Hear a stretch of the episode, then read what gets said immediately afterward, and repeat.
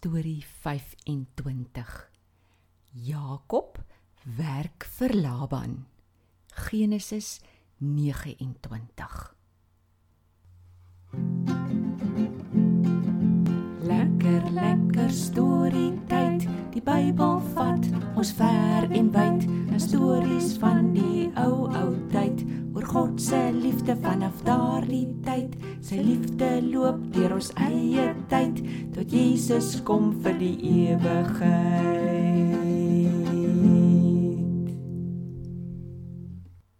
Hallo maats. Ek wonder waar is Tobias dan? Tobias.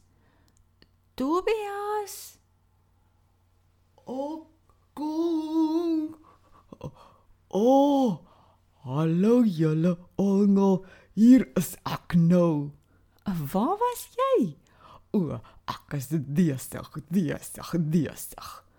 Maar nie te besig om tyd te naakser en storie nie. Besig sê jy. Hm. Dan moet ek dalk 'n storie vertel van iemand wat ook baie besig was en hard moes werk. O, orde. Das daar sulke mense in die duidel ook. ja, verseker.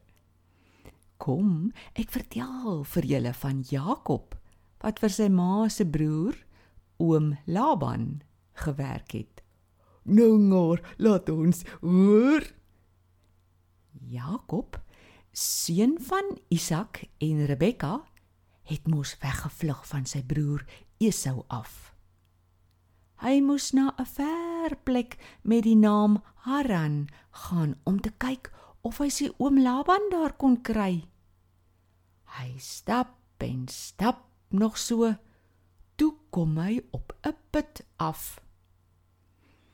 By die put het drie troppe skape gelê en wag dat iemand die groot klip oor die put moes wegrol dat hulle kan water drink. Jakob vra toe vir die veewagters: "Hey vriende, van waar is julle?" Hulle antwoord toe: "Hulle is van Haran." "Uh, ken julle vir Laban?" En hulle antwoord: "Ja, ons ken hom." Ja, goed, dis seker lei om dit te hoor.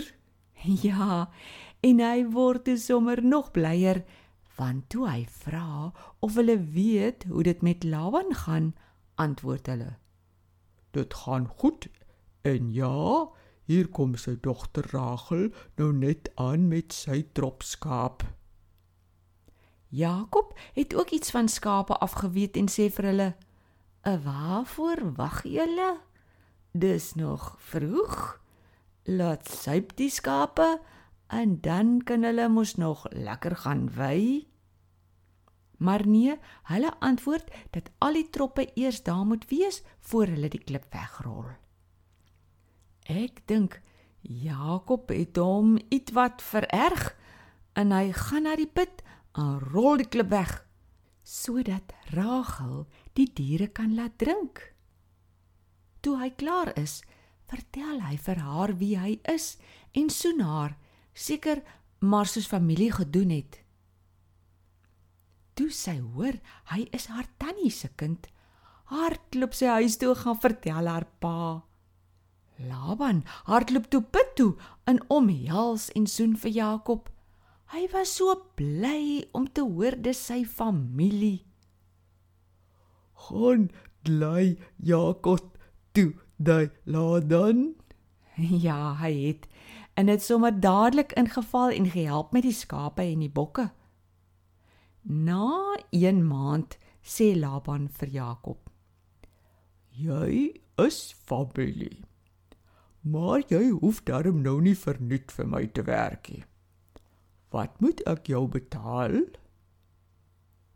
Maar nou moet ek julle eers vertel dat Laban twee dogters gehad het, Lia en Rachel. Lia het sagte oë gehad, maar Rachel was beeldskoon. Jakob was dadelik verlief op die mooi Rachel. Toe Laban nou vir hom vra wat hy hom moet betaal vir sy werk, antwoord hy dat hy 7 jaar verniet vir hom sal werk as hy net asseblief met Rachel kan trou. Laban het so 'n bietjie gedink en gesê dis reg. En toe begin Jakob werk. En toe begin Jakob werk. Hy werk en hy werk baie hard. Hy gee nie om nie, want hy weet na 7 jaar gaan hy met Rachel trou. Van al die harde werk en besig wees, het die 7 jaar soos 'n paar dae gevoel, want hy was baie lief vir Rachel. Jakob het mooi die tyd opgehou en toe die 7 jaar om is, gaan hy na Laban toe. Die 7 jaar is nou om. Nou wil ek met Rachel trou. Tro lo lo lo lo lo lo lo.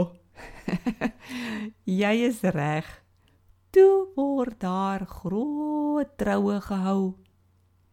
Laban het hierdie kant se buurman genooi en daardie kant se een en sommer al die mense van die hele omgewing.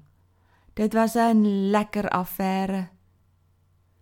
Toe die bruid nou na Jakob gebring moes word, is hy toegemaak met 'n dik sluier. Niemand kon haar gesig sien nie. Dit was toe ook al donker. Maar Laban was lekker skelm. Hy het nie vir Rachel na Jakob gebring nie, maar vir Lia. Julle kan dink dat Jakob goed kwaad was die volgende oggend toe dit lig word en hy sien dis Lia wat langs hom lê en nie Rachel nie. Hy het seker vinnig opgespring en dadelik na Laban gestap en gevra wat gaan nou aan. Laban antwoord toe dat hulle daar in sy omgewing nie die jongste dogter voor die oudste laat trou nie. En wat doen Jakob toe? Hy het seker net daar gestaan met 'n rooi, kwaai gesig. Want nou het iemand vir hom gejok, nes hy vir sy pa gejok het. Maar Laban het 'n plan gehad. Hy sê toe vir Jakob: "Goed, goed, goed. Wag nou 'n week en dan sal ek vir Rachel ook vir jou gee as vrou. Maar maar dan moet jy vir nog 7 jaar vir my werk." Arme ou Jakob het nie eintlik 'n keuse gehad nie. Hy moes maar net sê ja. Hy wag toe 'n week en toe kry hy vir Rachel ook as vrou. En toe daar hy nog 7 jaar verlaat dan net so. Toe werk en werk hy nog 7 jaar vir Laban.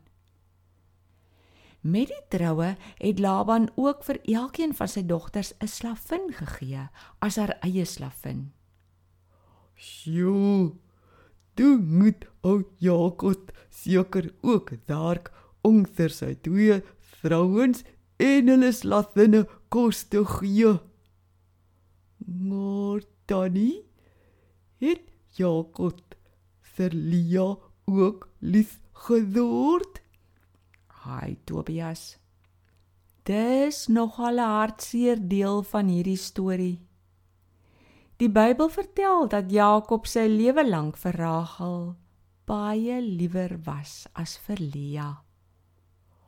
Arme Lea. Tobias en Mats, maar die Here het vir Lea gesorg en het vir haar ander dinge gegee wat haar bly gemaak het.